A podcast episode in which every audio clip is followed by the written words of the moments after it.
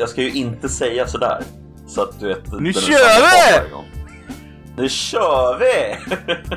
Maxa i vad, fan, vad fan är det ifrån? Men det har, det har gått igenom fem gånger. Jag tänker inte gå igenom vad fan nu kör vi härifrån. Jo, berätta. Berätta nu, Koffe snälla. Nu kör vi! Ja, alla behöver veta. Det låter som en kåt 15-åring. Något så... Britt-Marie, Ehm, nu kör det är vi! inte därifrån. Du säger fel. Britt-Marie, kör för fan. Kolla, det var så här jag fick dig att säga det. Det är så här jag får säga det. Du vet att det blir Jag säger fel, jag säger fel, jag säger fel och så vet jag att du kommer säga det. Ja. För att inte falla den där jävla fällan igen så passar vi på att hälsa gamla och nya lyssnare välkommen till din aktualitets och populärkulturpodd i cyberspace, Koffepodden med mig Koffe. Och Ned, mannen som egentligen hellre bara skulle vilja sitta vid en å och käka en falukorvsmacka med saltgurka på. Alltså det lät faktiskt jävligt mysigt. Alltså en liten vi en ka- å? kaffekask till det. Ja. Ja, lite kaffekask, en falukorvsmacka och vid en å. Mm. En sommardag. Det, det var ju inte helt fel. Det mesta blir bättre om man måste lägga till en sommardag faktiskt. Jag, eh, jag käkade, jag var på en polares eh, landställe här. Eh, En, so- käkade en jag, sommardag. Ja, en varm sommardag till och med. Ja. Då var vi ute på en ö i en liten, liten, liten, liten, liten sjö. Så finns det en så här ö mitt där ute. Mm. Åkte vi ut dit så ställde vi upp eh, vin, inte vindruvor, eh, oliver, eh, fuett, rökt ost, melon och sen så eh, cider. Och så satt vi där och käkade det och sen hoppade vi och badade lite. Det var alltså, ja det var grymt. Ja, det låter, det låter trevligt. Ni skulle ha lite rosévin också, Mhm. kallt rosévin. Vi hade faktiskt det men vi glömde ta med oss rosévinet. Ah, men eh, vi hade faktiskt tanken på rosé. Ja, det Ja, låter, alltså rosé, rosé är ju riktig sommardricka alltså. rosé är en bra dryck. Ja. Har du, har Men du, du satt väl- eh, sommarens vin än? Nej, Du har inte satt sommarvin sen? så, nej vadå? Va? Nej, jag bara frågar. Jag har ju satt, jag gjorde, man får ju göra eget vin. Det är en av de få rättigheterna vi har här Ja, i okej. landet. Du, var- du sa det jag trodde du sa. Jag, Mm. jag, bara, jag trodde du sa, har du sett sommarens vin ännu? Ja, nej. Men du sa, har du satt sommarens vin ännu? Precis. Ja, nej det har jag inte gjort. Föregående två åren har jag gjort eget vin på sommaren. Mm. Och nu har jag beställt en sats till så att snart i juli här så får vi 25 liter vin. Bara klunka i oss Just på det. semestern. 25 liter vin. Men är, är det vin som är gott att dricka Ja. eller är det vin som är bättre att typ blanda ut med typ något annat? Ju längre du låter det stå ju godare blir det. Men jag köper ganska bra grejer. eh, Eftersom jag köpte ganska dåliga första gångerna. Eh, Det finns ett företag som Mm. heter Ekens som gör satser. Eh, De har liksom Bordeaux-satser och allting. Och Okej. de kan bli ganska dyra till och med. De kan gå upp till typ 600 spänn. Eh, Men jag köper inte riktigt så dyrt. Men deras bättre satser är, det är, alltså det är bra vin. Det är liksom, det, det, det är gott, det är bra. Du, Okej. du, du kan ge det till folk och de bara, åh, vad har du köpt det här? Så här så. Det är liksom, det är inget skit. Bara, "Nej, Det här har jag gjort själv. Folk Det blir här är- Det förvånade. här är mitt vin. Ja, det förstår jag. Det förstår jag definitivt att de blir. Det är inte så konstigt. När du liksom bara, ah, det här, Liksom om man eh, ska träffa någon någonstans typ ute på, ja, nu har jag inte den Slottsskogen, um, nu har jag väl Gärdet eller något sånt här hemskt istället. Um, Mm. inte för att någon någonsin är på Gärdet, men Ja, ja. men Slottsskogen är en stor park i Göteborg där man får dricka alkohol. Mm. Uh, en av få platserna ute där du får verkligen dricka alkohol. Och det, är ju jättepopulärt att samlas där på sommaren. Så då brukar man ju ta med sig typ två, tre flaskor liksom. Och så bara folk, ah vad gott. Och så bara, åh det är mitt eget. Men alltså, eh, någonting som slog stort under en kort period i alla fall vet jag i Stockholm. Alltså nu pratar vi om för 15 år sedan. Det var Det var ju Lasermannen. fan... Lasermannen! Det är ännu längre sedan. Är det det? Shit. Nej, ja, ja för fan. Det är ju typ på 90-talet. Mm. Men då gör du, nu- gör du nu det här misstaget som man lätt gör när man tänker att 15 år sedan är 90-talet. Typ. Känns inget bra, eller? Nej. Nej, men runt Usch. kanske början av 2000-talet, 2004, 2005, Mm. 2006, 2007 någonstans. Så var det ju Fanta och Rosé. Som Gud var, äckligt. ja, det var, fast det, eller, det är faktiskt inte så äckligt. Det är det som är så sjukt. Det är faktiskt ganska gott. Ehm, Fanta och se. Men, men, då eh, måste det vara Fanta ja. citron eller? nej, nej, vanliga. Fanta, vanliga Fanta. Fanta orange, nazistdrickan. Um, Jajamensan. Okej, Nej, men alltså det är faktiskt jävligt, jävligt gott. Eh, jag tror du skulle gilla det. jag får testa. Eh, Um, en grej som uh, har kommit till Sverige, som har varit väldigt populärt på kontinenten, det är ju radler. Det är öl och Mhm. um, lemonad blandat, färdigblandat. mhm. Pripps har ju lanserat det i Sverige nu. Alltså R-A-D-L-E R-A-D-L-E-R R-A-X-P-Q. Va? Nej. Ek, nej. Precis som du tror att det stavas, så stavas det. Det jag skulle komma till är att de inte har det på systemet. Men har de det på systemet nu? står, det står ehm, eh, de är så jävla efterblivna alltså jag hatar dem så jävla mycket. Det är Radler och Shandy, alkoholfritt recept. Mm. Det är det som är Så det är bara problemet. så här 50-50. Pri- Pripps Ja. har lanserat i Sverige. Och det är, det är en av de, det är väldigt så här populärt kontinentalt, typ i Österrike är det något av det vanligaste du köper på en pub typ på sommaren. Mm. Pripps har gjort problemet att de gjort den alkoholfri.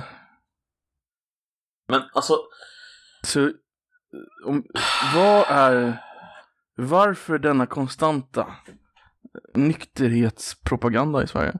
Alltså de de har börjat förstöra ICA med allt mer alkoholfri öl och cider är borta. Mm. Den alkoholhaltiga Mm. cidern är borta. Och nu kommer det här. mm. Och på systemet så börjar de pusha för alkoholfritt och nu lanserar de en ny öl och den är bara alkoholfri. Det är något fel på samhället. Alltså, det- Vad är det som händer? Svara på det. alltså jag, jag tror ju att det har att göra med våran historia, delvis.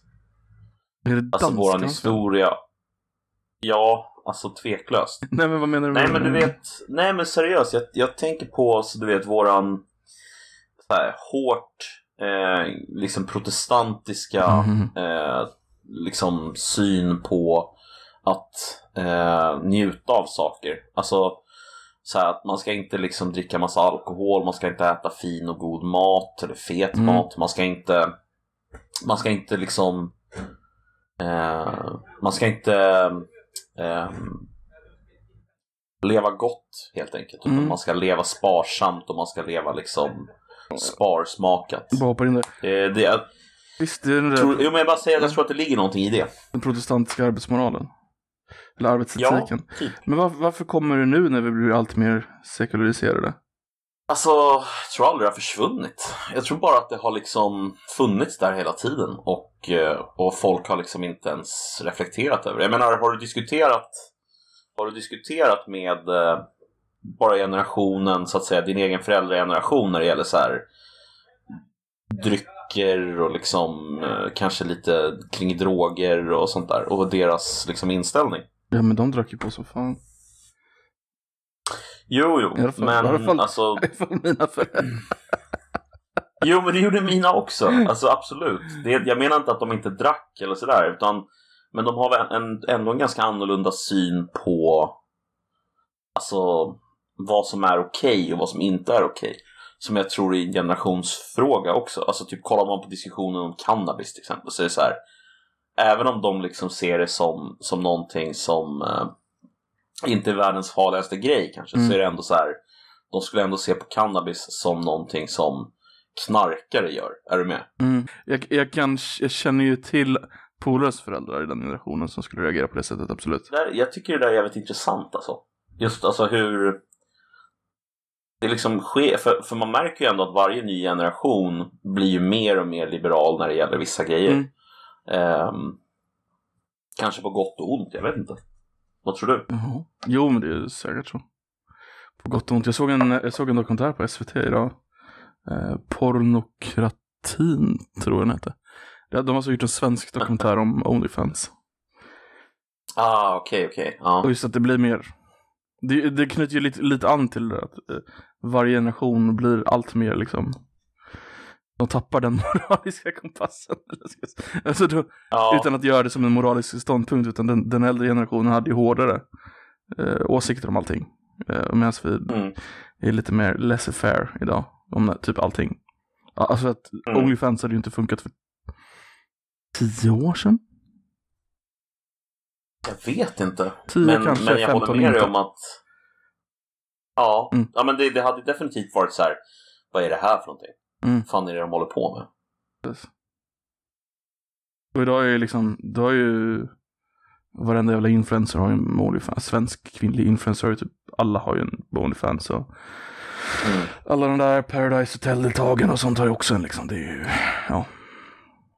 Det är liksom Ja, och par- de tjänar säkert bra med pengar på det också. Vissa tror jag gör det. Jag tror att det är lite eh, inflationer där, jag tror att det är för många. Så jag tror inte alla tjänar. Mm. För det kommer ju från, alltså det, ju, det kommer ju från privatpersoner, så det måste ju, det måste ju sälja någonting unikt liksom. Bara en snygg tjej inte det räcker. Eh, för att hoppa bara snabbt. Kör! Jag, jag måste ställa en fråga. Är Keller Beer likt Radler? Eller ja. Eller Beer? Nej, Det dök upp som en sån här, du vet när man söker på någonting så dök det upp som så här, vill sök, andra söker även efter. så jag, jag kommer ihåg vad Keller Beer är, så det, det är väl en opastöriserad öl va? Det verkar som det. När jag läser om den så verkar det stå att den är eh, Så då, då är det nog inte riktigt samma sak alls. Så, svala eftersläpande temperaturer. Okej. Ja men vi kä- källaröl Mm. helt enkelt. Det är väl det som är Ja. källare. Keller. Keller. Ja, precis. Det är ju tyska. Mm. Mycket av lagen är ju Ja. tysk, eller tjeckisk. Mm. Roll. Lager är jävligt gott alltså för övrigt. Lager är gott. Fan vad gott det är med lager. Veteöl har jag kommit in på på senare tid faktiskt. Det är också jävligt gott. Veteöl har jag aldrig riktigt ehm, fastnat för. Jag tycker det är rätt tufft att dricka alltså. Det. Alltså, jag tycker det är lättare än en IPA. Ja, men det, det kanske det är. Ehm, men jag, har, jag gillar bara ljusa IPor. Ehm, väldigt ljusa IPor. Jag gillar inte de här som är på andra sidan av spektrat. Liksom. Jag förstår. Men det, För det är väl skillnaden mellan West Coast och New England IPA typ. Jag. nej men jag gillar det. det. Det är lite som alla de här ölsnobbarna börjar ju på IPor och sen apor och vad heter det? Trippor finns väl också. Och sen så bara, ja men sen går de tillbaka Okej. till dubbel-IPA, trippel-IPA, ja och vanlig IPA. Um, och sen så går de tillbaka till lager. Men som, de stannar aldrig på veteöl. Så den är lite under, underskattad. Ja, men det finns fan egentligen när man tänker på det. Det finns så jävla mycket öl. Alltså. Det är helt vansinnigt. Det känns verkligen som ett så här aldrig sinande förråd av så här testa nya grejer där. Ja, ja Det, det, det finns bara liksom oändligt. Har du hört att Arvingarna har Ehm. skapat en öl också? Nej, Det har de. vad, he, vad heter den? Vad, he, vad heter den då? Arvingarnas lager. Ah, Det är så dåligt Jag orkar inte alltså. Alltså de, Ja, det är så sjukt dåligt namn. jag skulle ju döpt den till typ Eloise eller något sånt där egentligen. Ja, Arvingarnas men någonting säger mig att den kanske inte blir sådär jättelångvarig. Det blir nog ingen GVs röda direkt. Nej precis, GS röd är fan kul. Alltså alla de där kändisarna som har vin. Ehm, Vikingarna har vin. Nej, vilka är det jag tänker på? Det där stora dansbandet. Men är inte det Vikingarna? Sveriges största dansband. Uh, Är inte Vikingarna föräldrarna eller typ till Arvingarna? Någon sånt där. Lasse Stefans tänkte jag på förut. Lasse Stefan? Eh, är de största Sveriges dansbandet? största dansband är Lasse Stefans. Jaha. Uh, Vikingarna är primärt söner till uh, Flamingo-kvintetten. Oh, Okej, men varför kallar de sig för Arvingarna Att de är arvingarna till Flamingo-kvintetten för deras söner. Men varför i helvete har jag fått för mig att de är Arvingarna? Alltså det vill säga att det har att göra med Vikingarna. Det kanske är Det är vanligt. jättekonstigt. Ja, jag vet inte. Du kanske drömmer om äh, vikingarna på dagarna. Vad vet jag? Alltså, apropå dansband så hörde jag att, eh, det var länge sedan jag hörde det, men eh, av svenska musiker så förutom möjligen typ de absoluta liksom, eliten inom svensk musik, typ som så här, vadå, Sara Larsson kanske eller. Robin och sådana där. Mm. Eh, så är det faktiskt dansbandsbanden eh, som drar in de största pengarna. Det förvånar mig Och- inte alls. Och det gör de bara genom att turnera runt i Sverige. Ja, men de eh, slutar och sälja aldrig. skivor i Sverige. Alltså dels är de de enda som fortfarande säljer skivor för det är deras målgrupp är sån. Ja, Och så turnerar de ju hela tiden. Och det är ju en grej att se. Alltså, går du på en vanlig konsert så lyssnar du på musiken liksom. Går du på dansbandskonsert så är det ju då är det lite fest och du går och dansar med bruden och det och lite gör det i baren och det är mysig stämning vet du. ja men du har ju helt rätt. Exakt Och det är ju så. liksom- Alltså det är ju Mm. någonting annat än, Precis. än de här andra artisterna. Det är liksom inte samma sak. Precis, så nästan varje, alltså, Ehm. på något sätt så kan jag tänka mig att grejen är att gå och se ett dansband, det spelar nästan ingen roll vilket det är. Så då tjänar de pengar för att alla går när de är där i stan liksom. Mm, mm. Det är ju någon kombination här. Jag har en... jag, ska göra en koppling här. Dansband, charter och åka finsk eh, sån här kryssningsbåt. De tre hänger ju ihop alltså. Dansband charter och kryssningsbåt, ja. Mm. Och de har ju Det känns som att det är samma klientell liksom. Ja. Hur- jag kanske överdriver med charter i och för sig, jag vet inte. Charter.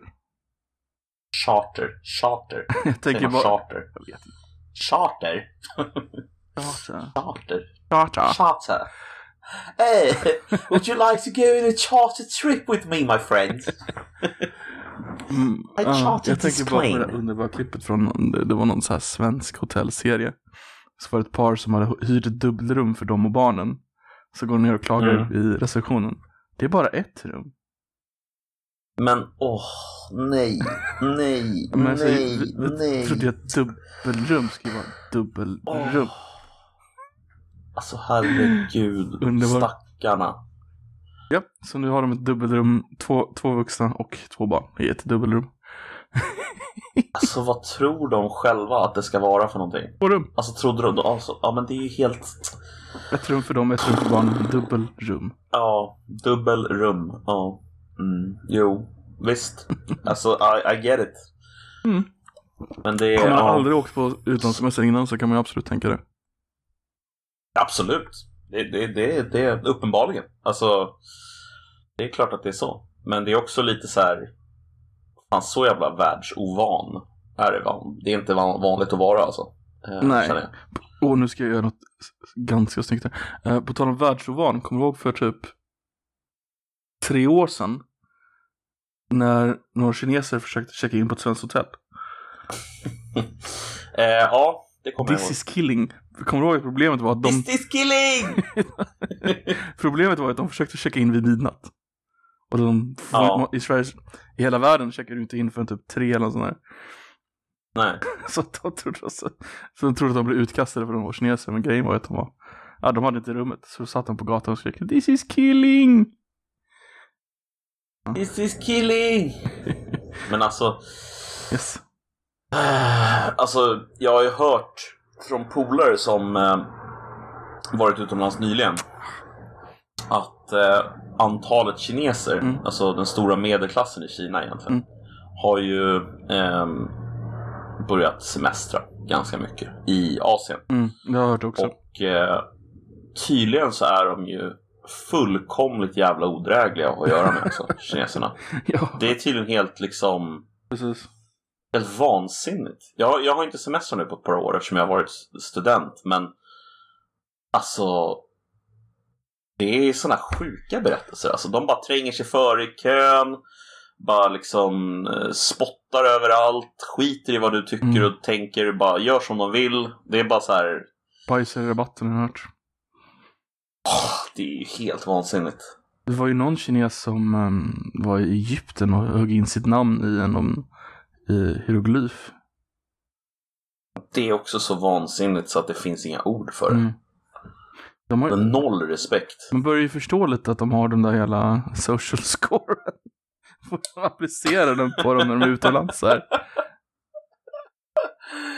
Ja men de är väl så många också kan jag tänka mig att det blir liksom Som du inte är villig att ta för dig så kommer du aldrig fram liksom. Precis, och där i medelklassen så är det de som är vana att alltid ta för sig. Ja men precis. De, det är därför de Exakt. har medelklass liksom. Ja, Ja, fy fan. Kineser, det är speciellt. speciellt folk. Ett väldigt stolt folk. Ja, uppenbarligen. Eh, Du har hört om det här väldigt nationalistiskt. John Cena-grejen eller? Mm. Alla som inte vet vem John Men Cena är berätta. så är det ju en amerikansk, heter det fribrottning på svenska? Jag tror det. Jag tror fribrottning är det rätta ordet på svenska. Wrest, wrestling som du säger på amerikanska. Wrestling! Han, han, Wrestling! han är ju en av de största efter de senaste typ, tio åren. Efter The Rock slutade. Eh, Men nu har han gjort en film, eh, Fast and the Furious 9. Och så, på, så alla vet ju att den kinesiska filmmarknaden är världens näst största, så du måste vara vän med dem. Så att han gick på en pressturné där. Ursäkta. Där, där han råkade säga att Taiwan var ett land. Och då, då fick han skit av Kina för det. Eller den demokratiska republiken Kina. Folkrepubliken Kina. Vad heter de? Ja, just det. Folkrepubliken Kina. Kina. Då fick han massa, massa skit av det, så han, han var tvungen att be om ursäkt.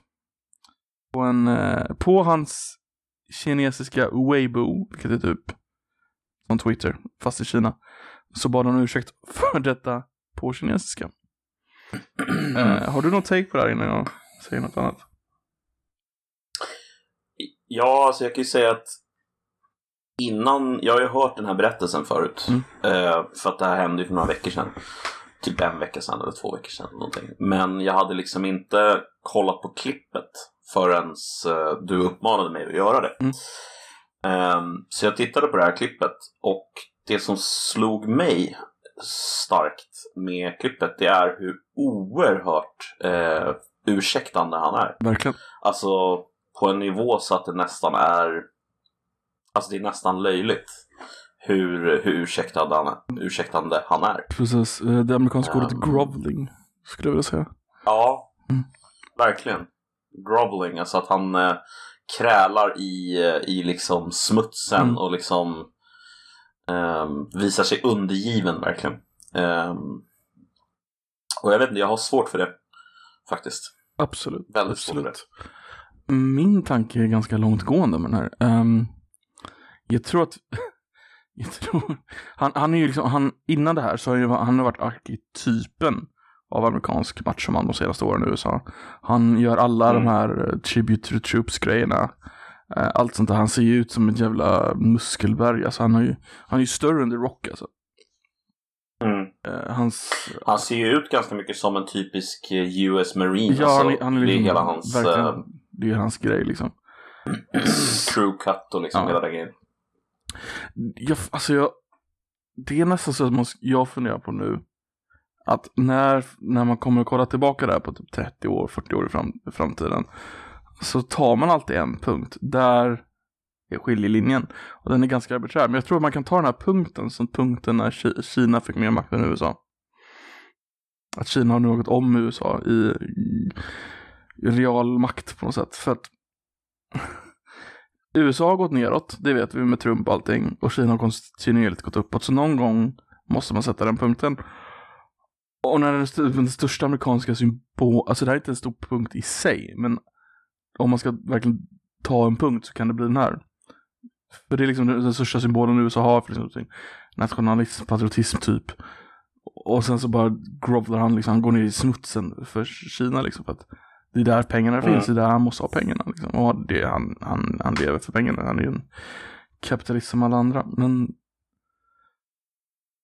just det där att vi är någonstans där, där USA börjar tappa sitt eh, global hegemoni. Vi har märkt, de börjar bli allt mer woke. Vi har, vi har märkt att eh, Frankrike har ju fördömt USA för sin wokeness nu. Alltså franska eliten och Macron har ju fördömt honom också. Alltså som Mm. nationsförstörande. Så väst håller på att åka därifrån. I väst har vi grejer med, hela grejen med Ryssland. Vi vill vara närmare Ryssland än USA vill att vi ska vara för att vi får all olja och gas och sån skit från dem. Så vi är mer allierade med Ryssland än USA vill. Eh, USA blir allt mer ensam på världsscenen. Och medan eh, Kina går upp som fan. Så man, om, man, om man ska välja en punkt, varför inte den här punkten?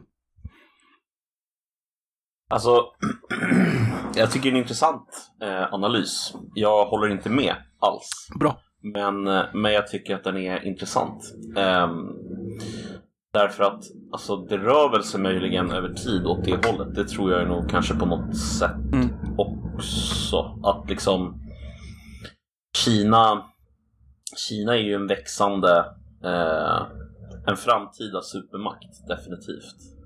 Gör det som Ehm, händer nu? Det verkar som att någon kör motorcykel utanför min... Eh, sorry. Nej, det är ingen fara. Ehm, Kina är ju en växande makt, en supermakt Mm. eh, i vardande så att säga. Men de är ju inte en supermakt idag. Ehm, utan de har en bra bit kvar. Alltså den definitionen som jag använder för supermakt det är ju att man kan projicera, projicera makt via militära medel, via diplomatiska medel och via liksom ja, egentligen vilket medel du vill globalt när du vill. Mm. Eh, och den, den det, det kan inte Kina göra. Framförallt inte militärt. Nej, kan de inte göra. jag accepterar att de inte kan göra det militärt, men ehm, ekonomiskt och kulturellt så har de ju uppenbarligen det kapitalet idag. Alltså, ja, de, de, de är ju väldigt, väldigt, väldigt, väldigt rika. Mm. Eh, det är de ju som land. Och- Men det är ju framförallt PPP-värdet som de är väldigt värda. Alltså, det vill säga Purchasing Power Parity. Känner du till det? Yes. Ehm, där ligger de ju väldigt högt. Men om du skulle jämföra realtermer så är de ju fortfarande en bra bit efter, tror jag. Eh, efter USA. De är till ju exempel. ett, två i världen. Alltså nominellt. Precis. Ja, Men alltså om vi kollar på att... vart linjerna går, alltså bara extrapolerar trenderna så är det ju åt det här hållet. Trenden går just nu Absolut. och har gjort de kanske Ehm. senaste 20 åren. Jag tror att de kommer få svårast är inte militärt och eh, ekonomiskt. Utan jag tror att de kommer få svårast med det som kallas för soft power. Mm. Eh, De har inte finessen. Just av, eh, nej jag tror inte de har det. Alltså just av sådana enkla an- anledningar som till exempel det som vi pratar om nu med ehm, eh, John Cena. Mm. Alltså en kille som John Cena, han är ju i, i mångt och mycket liksom Ja, han är en superkändis liksom globalt. Eh, även om vi inte känner till honom sådär jättemycket, du och jag kanske. Alltså Mm. mer än att vi liksom vet vem det är. Men Men alltså, Eh, hade det varit jag tror- år sedan så hade ju inte en John Cena-karaktär gjort det här. Nej, inte en chans. Nej, nej, nej. inte en chans. Helt, helt med dig. Eh, jag tänker återigen på det här South Park-avsnittet. Eh, jag vet inte om du har sett det. När, du får eh, säga lite mer specifikt så kanske jag kan säga om jag sett det. Ja, när Randy Marsh ska åka till Kina för att sälja in sin, eh, Ja, det. sitt, sin Och så hela, produkt. hela planet är fullt av folk som också ska sälja in saker till Kina. Ja, exakt. Jo, det är där Det är den... basketlag och det är NFL-lag och det är, alltså det är allting liksom. Nu är det ju där medelklassen finns. Om du vill expandera sånt. Så är det ju. Och jag menar, deras medelklass är väl ungefär lika stor som Kinas, eller som USAs hela liksom befolkning. Jo, något sånt där. Något sånt där. Och den amerikanska menar, är- befolkningen är ju redan liksom uttjänad. Det är ju Västeuropa också liksom. Vi... Där, Mm. där, alltså, Ja, inte uttjänad. ja. Ja. Därför- Ja, men jag vet vad du menar. Alltså exploaterat kanske man ska säga. Kanske. Eh, men, men jag vet inte, det, det jag vänder mig emot någonstans det är att de någonsin kommer kunna skapa tillräckligt med mycket goodwill eh, för att kunna skapa den mängden eh, soft power som de behöver. Jag tror inte de Jag vet behöver inte. Jag goodwill. kanske- Jag tror mer de, alltså de har ju... Deras taktik verkar ju vara mer eh, finansiell dominans. alltså, det där att de bygger grejer Mm. folk på lån och så, så använder de pengarna som det här lånet då som tvångsmedel. Mm. Att om ni inte gör, ni gör som vi vill så kräver vi tillbaka hela lånet och då går det bankrutt. Eh, det är det man är Var det inte jätterolig någon, för i, i um, Bukarest nu om du har talat om det där. Ja, men precis. Det var någon bro, va? Nej, de ska bygga ett universitet. I Bukarest. Okej. Ett kines, ett, som, eh, som de ska låna pengar av Kina för då. Eh, som Erdogan, nej inte Erdogan, vad fan heter han? Uh, uh, jag är jättedålig på namn idag, ursäkta. Nej, det är ingen fara. Tänker du på, är det, är det, är det Bukarest? Det är oh, Ungern, va? Ja, precis. Ja, Ungerns president. Ja, han är jätteför det i alla fall och så Bukarest borgmästare är jättemot. Så det, de har lite konflikt där. Och det Mm. skulle ju vara, det är ju flera miljarder liksom. Det är ju jättefint område de ska bygga som jättestort universitet liksom. Eh, och Kina vill ju det då. För att då får de äntligen en fot in i EU. Ja, precis. Och det är ju det de vill. Mm, precis. Så jag menar, Men här är det, de vill ju egentligen... ja, sure. Nej, säg. Nej men här är det just den eh, teorin med eh, Ja, den fin- finansiella, det heter inte finansiell dominans, det har någon speciell term det här, men att de använder liksom debt, debt diplomacy liksom. Men alltså, Jag tror aldrig de skulle kunna göra som USA, att de fick få goodwill i världen. Um, nu har inte USA så mycket goodwill kvar tror jag ska.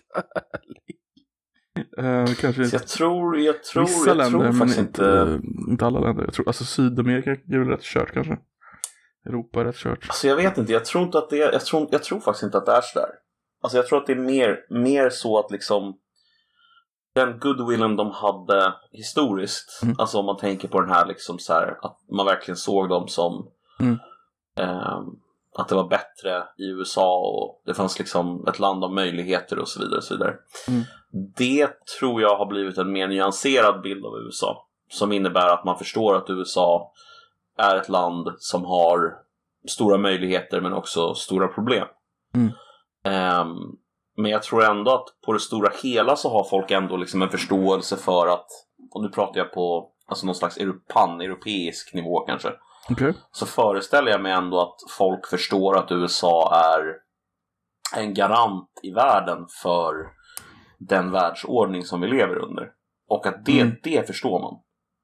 Eh, man är väl medveten om att USA garanterar egentligen den mer eller mindre den, den frihandel som vi har globalt i världen. Och nu har vi ju inte frihandel i hela världen, det fattar jag Nej. också. Det jag menar är att kolla på till exempel eh, Strait of Hormuz till exempel. Eh, eller Hormuzsundet heter det va? Yes. Ehm, där har du ju liksom, eh, USA är ju garant för att det fortsätter att vara öppet och inte dominerat av de regionala makterna. Eh, som till exempel då Iran och ja, andra länder som ligger där.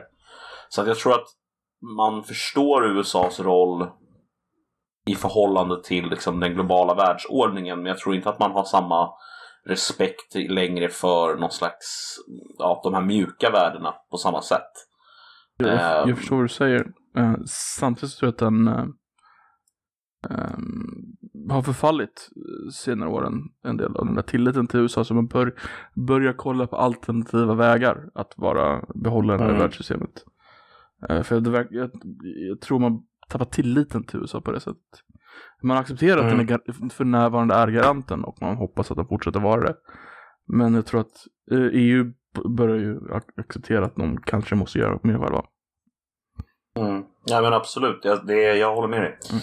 Det, det, det, det är verkligen någon slags dilemma där. För att om en snubbe som Trump, som är så destabiliserande, Mm.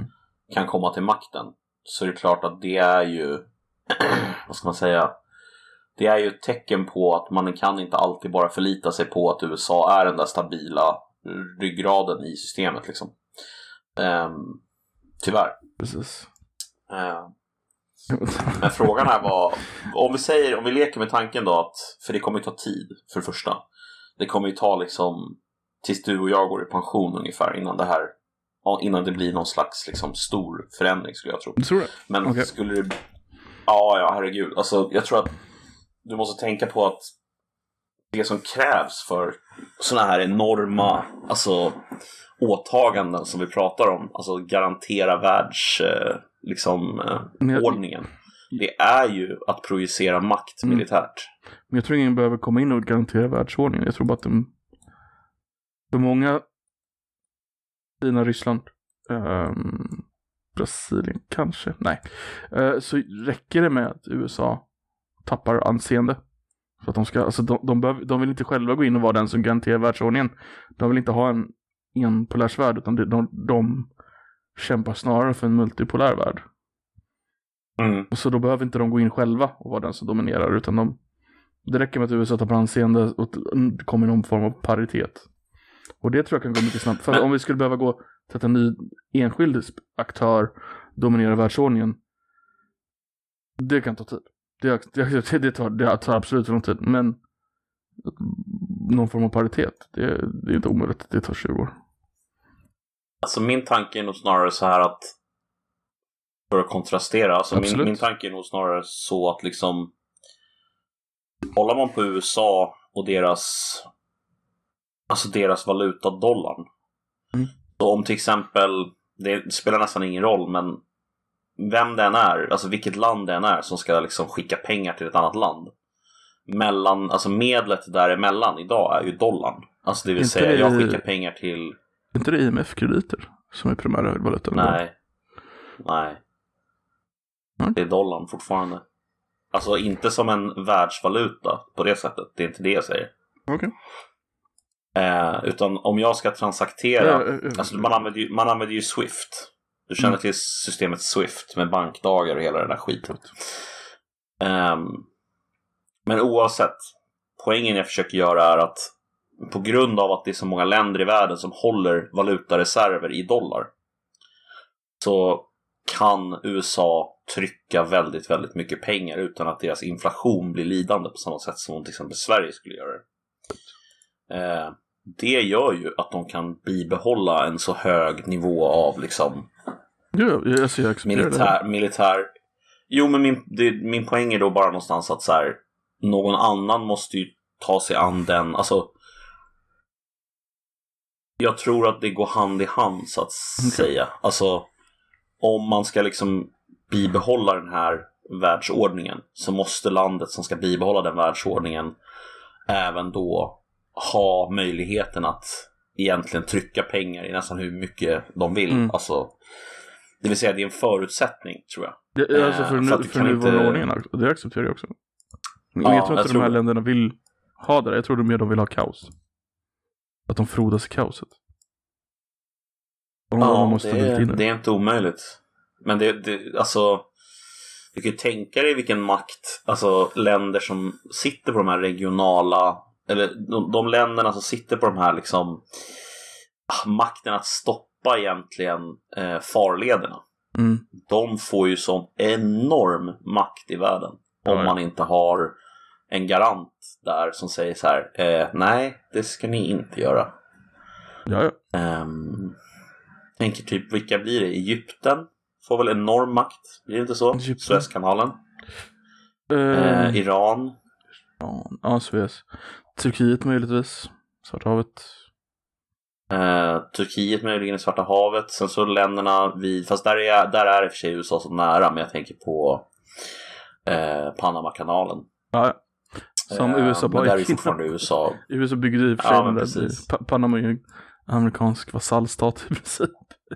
Ja men precis, det är ju eh, Danmark skulle kunna få lite att säga till om. Danmark-Sverige. Ja, absolut, var, absolut. Ja, var... Sverige, Sverige och Danmark skulle nog kunna kontrollera hela det sundet om vi ville. Faktiskt, det var um... kul. Fast i och för sig, vi har Ryssland väldigt nära så att de skulle bara säga eh, nej, det ska ni inte göra. Vi bara eh, nej, okej okay då. Det skulle... okej. Okay. Om man tar Skagen till Göteborg och bara bygger en damm typ. Ja, just det. Du vet att det var, eller var det du och jag som pratade om det? Att det var några jävla sjuka idéer ett tag där om att man skulle bygga en... Just det. En... Um, från... Rakt igenom Europa va? Var det inte så? En damm? Nej, ja, en damm, men det är också, också för transport av varor och sådär. Det, det var väl typ Frankrike till Storbritannien och sen Storbritannien till Norge för att man inte skulle få upp vattenflödet i Nordsjön. Just det, jävla galenskap alltså. Det var väl typ så här, äh, vi, vi använder kärnvapen och bara, bara detonerar dem längs med vägen här så blir det jättebra. Man bara, äh, va? Det var ju en, Nej. Eh, det var en tysk på 20-talet som ville fördämma Gibraltarsundet. För att få med odlingsområde okay. till Europa. Jävlar. Man, man drömmer inte sådär stort längre. Bring back the big dreams, för i helvete. Ja, men Tänk stort. Faktiskt, faktiskt. Det hade varit skitkul. Alltså, kanske inte just det där då, men någonting skulle vi kunna göra. Ja, oh, shit. Men alltså du, du, du tror ändå någonstans att vi går mot en, eh, en um, mer multipolär värld på kort sikt ändå, alltså typ 20 års tid, än En mer multipolär än idag? Eller bara att gå till en totalt Mm. multipolär? Det är två olika frågor. Ja, jag skulle vilja säga nummer ett där. Mer multipolär, inte mer totalt multipolär, absolut. Det, skulle, det är Mm. svårt att säga att vi inte går mot en mer multipolär värld. Jag är i takt med Mm. Kinas resande och eh, USAs mesande. Du hörde att de eh, var på väg att dra igång en, en, en konstant närvaro nu i Sydkinesiska havet. Det är inte, Alltså USA. Ja, det är inte så svårt. Har, Nej, men eh, alltså de... eh, alltså det är ju svårt. Men det förvånar mig inte. Jag har inte hört det, men det, det förvånar mig inte. Det, det är den där kinesiska nine dot line som de har. de har ju bara bestämt att de äger hela Sydkinesiska havet genom att dra en linje. Nio, nio dots är det så här, punkter. Här, det här äger vi och sen en väldigt oklar linje. Ehm, ja, det är för trade då såklart. Men eh, USA har vad? Åtta flygbåtar? Elva. Elva. Mm. Det är bara att sätta en där. Och sen så roterar det. Exakt, och det är väl det som är tanken som jag Mm. förstår det. Vad Eh, jag har att ställa dock är inte så... alla i vattnet hela tiden. Nej, så är det. Det är Så är ganska det. dyrt. det är ganska dyrt att driva runt de där båtarna. Det, de är väl egentligen det yttersta liksom beviset för USAs Ja. supermaktstatus på något sätt. Ja men Alltså, det så här, absolut. Titta vad vi kan ha det är inte direkt som att de, de behöver ju liksom ingen i, i Östersjön direkt. Fattar vad coolt det Det- var att de drog, liksom- in, drog in en i Östersjön dock. Det hade varit kul att se alltså. Undrar om den ens kommer under, kommer den under bron? Det måste den göra. De är inte så höga de där för mig jämförelsevis med såna här enorma eh, kryssningsfartyg. De brukar vara högre. Annars finns det ju en, en eh, jag tror inte den får plats där, men det finns ju faktiskt en, en, en kanal genom Danmark. Just det. Eh, Där tror jag nog inte att den får plats, nej. det tror jag kan bli tufft. Alltså shit vad stora de är alltså när man tänker på det. Men alltså ändå så är de ju själva den delen som egentligen ligger i vattnet är ju inte sådär jätteenorm. Alltså den är ju enorm Mm. men alltså om det bara var tillräckligt djupt så skulle du ju kunna köra den liksom. På ganska liten yta. Det roliga med sådär är att Kina har ju, Kina, Kina har typ två nu tror jag va? Typ en, Mm. en under uppbyggnad och en riktig. Deras riktiga är ju Mm. gammal rysk. Och det är samma med Mm. Indien, den är också så gammal rysk. Medan Ryssland, Admiral Kuznetsov eller så heter den Ja. från början. det är liksom Ryssland total kollapsar liksom på 90-talet. Säljer av allt. Och en kvar. Ja, det är helt, helt vansinnigt. Hur många, alltså- hur många hade de liksom under piken? Alltså var de en, en mot en? Nej, de, liksom? hade, de hade aldrig... Nej, nej, nej. nej. Det- Ja, det var typ, de hade typ två stycken. Ah, okej. Det var inget mer. De har en nu. Alltså, ja. ehm, och ingen av dem går ju på kärnkraft heller. Det är Mm. bara amerikanska båtarna som gör det. Resten, det finns inga andra i hela världen som har... Jo, eh, fransmännen tror jag har någon som på kärnkraft också. Som älskar kärnkraft så det förvånar mig inte alls. Ja, de är så jävla bra på det också. De vet precis vad de håller på med. Alltså. Engelska Så- atom... England har väl atomubåtar? Ja, ubåtar ja. Mm. Absolut. Men inte hangarfartyg Nej, nej, som har är drivna av kärnkraft. De har ju Queen Elizabeth. Mm. Exakt. De, de har liksom, liksom de, det är inte svårt att döpa dem om man är Engel, England liksom. Du har, du har Nej, du de har har det en rätt lätt. en bästa båt. Vad ska den heta? Ja, vad heter kungen? Eller Ja, det blir... Eh... Bara så, kör på det. Ehm, ja, jävlar. Fan vad gammal hon är nu alltså. Ja, hon är över 90. Eh, hon, hon kommer ju gå bort ganska snart. Och det lär ju bli... Tror... Alltså på något sätt så kommer ju... Alltså tror du inte folk kommer skriva artiklar så the end of an era liksom? Jo, jo, för Bla, fan. bla, bla. Det, klart, alltså, det är väl klart det blir end of an era. Eller the end of many eras kan det till och med bli. Tanken. Ja, precis. Det blir liksom så här, en sak har varit detsamma hela tiden. Mm. Genom Brexit, genom andra världskriget, genom Vietnamkriget, genom bla bla bla. Och nu är hon inte här längre. Den artikeln liksom, den kommer ju skrivas. Hon, Eh, 52 var ju då hon blev prinsessa. Eller prins, drottning. Men hon var ju med under andra världskriget också. Hon hjälpte ju till under andra världskriget. Mm. Så hon har ju liksom ändå varit med. Liksom.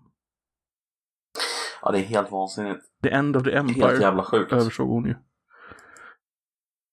Ja, precis. Det var ju lite hennes, eh, hennes eh, under hennes, eh, så att säga, reign Mm. som det, det har skett. Nedmonteringen från att vara supermakten till att bli liksom Precis. USAs eh, eh, polare. Med Nu får jag vara lite ful här, men hur lång tid tog det? Det tog ju till 20 år eller något. Den nedmonteringen. Ja, det skulle man väl kunna säga kanske. 60-talet någonstans. Men alltså det var ju väldigt, väldigt uppenbart vilka som var top dog långt ja, innan det det. var ju efter, alltså innan andra världskriget var det ju USA jättelitet, efter var det jättestort. Så det kräver ju något event. Ja, det kräver Ja, något kan- så här, ja. Att man liksom är tvungen att bygga upp sin militär och bli... Det, det, det finns ju några, jag har läst en ganska intressant eh, artikel på det där, där de snackar om det här att USA hade ju en ganska isolationistisk syn på sig själva väldigt länge. Mm. Sen så var de tvungna, eller tvungna, America de, de first. kände... Precis. Och de kände sig tvungna att ta sig till Europa under första världskriget. Men sen så slöt man sig igen och ville inte delta liksom, i Europas inrikespolitik på det sättet. Japp. Men sen så insåg man när man var klara med andra världskriget att okej, vi kan inte hålla oss utanför de här konflikterna. Nej. Även om de sker i Europa så, så är det liksom, ja, vi är en del av de här konflikterna vare sig vi vill eller inte. Som den stora makt vi är. Liksom. Mm. Bättre att vi bara går all in och tar rollen som supermakt typ. Bäst vi tar rollen. Ja. Nej men Hitler, Ja men lite ja, så jag tror jag det var alltså. Efter andra världskriget så här, vem hade, det var ju ingen annan som kunde gjort det liksom. Det var ju alltså, ingen annan hade ju den ekonomiska kapaciteten. Alla andra var ju Mm. liksom förstörda. Ja, Allt jävla förstörda. men de, alltså, de insåg ju att det, det kommer bli dem mot Sovjet. Och, och Mm. då, alltså vi får ju faktiskt tacka dem ändå för Marshallplanen. Alltså det, det lever ju lite, lever lite dess skugga på något sätt. Det, Även om vi såklart, eh, det gynnade ju även amerikanerna om vi säger så. Jo, jo, men det är ju... Du har ju aldrig haft någon som vunnit ett så pass blodigt krig som sen bara Ja, ja, men nu, nu hjälper vi till att bygga upp det igen då. Det är sin liksom, fiende liksom. Det, det är ju aldrig hänt. Alltså tar, tar första världskriget, de, det är ju känt hur mycket Tyskland fick lida för det. Eh, de hyperinflationen och allt det där. Och fick bort sina Mm. primära industriområden till Frankrike och allting liksom. Mm. Att sen då inse att det bästa sättet att inte det här händer igen är att vi hjälper dem. Det är ganska, det är ganska, det är ganska stort egentligen. Det är, det är, en, det är en ändring i världen liksom. Faktiskt. Absolut. Ehm, och jag menar, man kan tycka vad man vill om USA och om USAs, eh, vad ska man kalla det för, den världsordning som USA har, Mm. har etablerat efter andra världskriget. Men jag kan i alla fall säga att jag mycket hellre lever under den amerikanska världsordningen än de potentiella alternativ till världsordning som jag kan föreställa mig. Typ en kinesisk världsordning låter inte sådär jättekul faktiskt om jag ska vara helt ärlig. Um, Notera en det europeisk i- världsordning, kanske okej. Jag vet inte. Europeisk världsordning. Ja. Jag vet inte hur långt ifrån en amerikansk världsordning det hade varit dock. Jag kan tänka mig att det var en europeisk Europaordning. Någon slags isolationistisk. Mm. Där Europa försöker hålla sig självt flytande.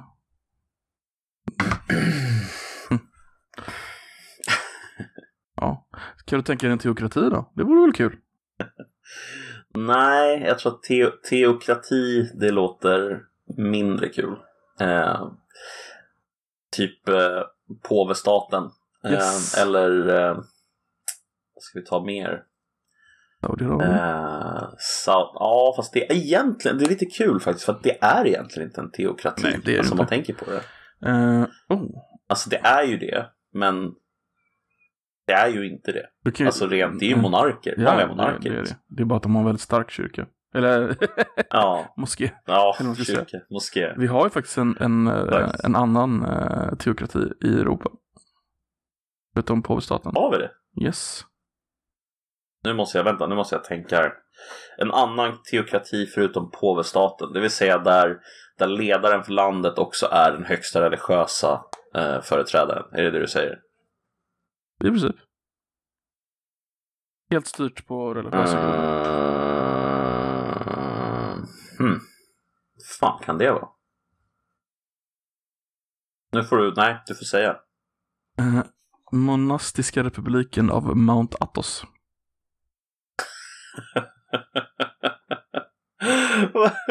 Vänta, det här, det här måste jag googla. Vad hette det? du? Monastic Republic of Mount Athos. Deras utrikesrepublik sköts av eh, Grekland, men deras interna politik får de bestämma över helt själv. Eh, vi- Alltså det här känner jag ju igen som fan. Vilket har gjort att de har liksom ganska sköna lagar, typ eh, inga kvinnor får vara där till exempel. Alltså. Alltså shit. Men det är ett självbestämmande Men alltså, det här- teokratiskt område. Alltså jag känner igen. Det är någonting med, de här, med den här byggnaden som, som det här handlar om som jag känner igen. Och Det är inte en byggnad, det är, en halvö. Det är jättestort. Det är en halvö. Mm. Okej, Men men, de jag har- tänker på den här den här enorma liksom. Jag vet vilken du menar. Ja, Huvuddelen. De, det, alltså, det, den är uppbyggd av flera eh, munk... Vad heter det? Vad heter munk... Vad heter det? Munkhus? mm. Vad heter det? ja klo- kloster. Kloster. Nej, kloster är kyrk för tjejer. Eh, munk... Ja, munkkloster då. Så det, det finns flera munkkloster runt om hela ön då. Eh, Ja, som, och så har de en som är huvud, liksom, grejen som styr över dem. Eh, ja, grekortodox. väldigt intressant. Det här, today I learned. De har ju en Väldigt egen intressant. eh, policy om eh, asyl och sånt där också. Så att du kan få asyl där inne. Men de ger bara asyl till typ så här munkar och sånt. folk, har försökt begära asyl där de bara nej, åk iväg. Så ska, ringer de så här grekiska armén. Så får grekiska armén ta bort dem. Lite kul. De, det, det här är lite intressant ja. Mm. Får, men, men, men alltså får man besöka den här ön Ja. som turist? eller? Eh, du får inte vara kvinna. Eh, de tar in Nej. 100 människor om dagen. 20, Okej. nej 80 av dem måste vara ortodoxa och vara där för valf, som, som pilgrimsfärd. 20 får vara icke-ortodoxa. Så du har, du har en på 20 om dagen att komma in. Och jag kan tänka mig då att det kanske inte är 20 stycken om dagen som vill komma in utan det är kanske ett par tusen eller något sånt där. Eller ett par hundra i alla fall. Ingen aning. Jag tror att det Eh. bästa av det där sköts eh, Alltså du bokar en tid liksom. Eller en, en resa eller något sånt där så försöker få med den i, alltså Jag tror inte du behöver stå och vänta vid gränsen. Så sätt. Nej, precis. Exakt. Men det vore ju väldigt kul att Alltså, Det är asballt. det ser ju helt magiskt ut. Alltså, Ja, alltså de, de har ju hållit på i flera tusen år. Så att de är ju, det är ju orörd natur på riktigt. mm. Och sen är de ju munkar också så att alltså, jag menar, jag Mm. föreställer mig att de lever ganska, ganska stillsamma liv. De Ja. exploaterar nog inte så jävla mycket Nej, precis. De, av naturen utan det är väldigt, väldigt försiktigt. de får ju mat som gåvor och sånt där också så de behöver inte göra så mycket liksom. Nej, precis. Ja, men idag, idag lärde du dig. Idag lärde jag mig. Eh, det verkar också som att det finns en gammal historisk koppling då givetvis till bysantinska imperiet. Ja, ja, Eh, det vill säga östra romarriket. Eh, det vill säga Rom. Ja. Vilket är en ganska så här, ja, Det är coolt. ving, vad är det man säger, historiens vingslag. En historisk exposé bara i Koffepodden. Ja just det, det måste jag säga Ni- innan, innan det, det till slut. De, de tillåter inte kvinnor, det har de aldrig gjort i flera tusen år. Ehm, Ja. Och det var så här, ett krav, de är ju med, alltså, de är självstyrande, men Grekland är liksom deras overlord på ett sätt. Så, när, Mm. så de protesterade när Grekland gick med i EU, för de ville inte gå med i Schengen, trodde de. Men de har fått ett specialavtal, så de behöver inte vara med i Schengen. Ehm, ganska skönt för dem. Och EU bara, ah, ja, Ja. men vi vill ha med Grekland så här på 70-talet liksom. men för några år sedan så gjorde EU, en, så här, EU-parlamentet ett joint statement liksom. Eh, vad var det de sa? Ehm, due to the liksom uh, undeniable status of uh, the equality between the sexes we condemn the banning of women liksom. Det är inte ett exakt citat, Shit. men det, det är något, det är liksom i den, den andemeningen liksom. Ja, Så att de EU började bli lite sura där på att de inte släpper in kvinnor. Um, men alltså vad fan, någonstans är ska ju- det få- vara, alltså. Hade det varit en ö med bara kl- kloster så hade jag tyckt det var okej också liksom. Alltså, kul. Ja, alltså jag tycker det här är ganska coolt liksom. Att det får finnas, att det, låt dem ha sin grej för fan. De har haft det så här i bara tusen år. Låt det vara bara. precis. Men det är liksom EUs Let it be, let it be. Allt måste inte liksom uppfylla dagens krav på jämställdhet och likvärdighet. Allting Allt måste inte vara liksom samma inte- grej, utan låt dem vara, ha sin egenhet liksom. Låt dem vara annorlunda. Precis. Det, det går bra. Typiskt oss cis, vita, heterosexuella cis-män alltså att säga Mm. såna här saker. Usch, Nu är inte, usch. nu är inte vi ortodoxa, så vi får ju, har ju svårt att komma in vi också. Mm, det är i och för sig sant. Ja. Så vi, vi, vi, vi, vi dömer ut oss själva också samtidigt så att säga. det är bra det. Som, som vanligt. Eh, Yes, kör. Det här har varit Koffepodden med mig, Nedde, och Koffe Pottamus, den store, som alltid.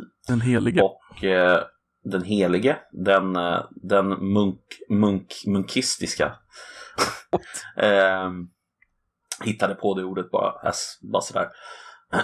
Munkistisk. Och, eh, in, in- innan, vet, vet du vad världens kåtaste munk heter? nej. Raggmunken.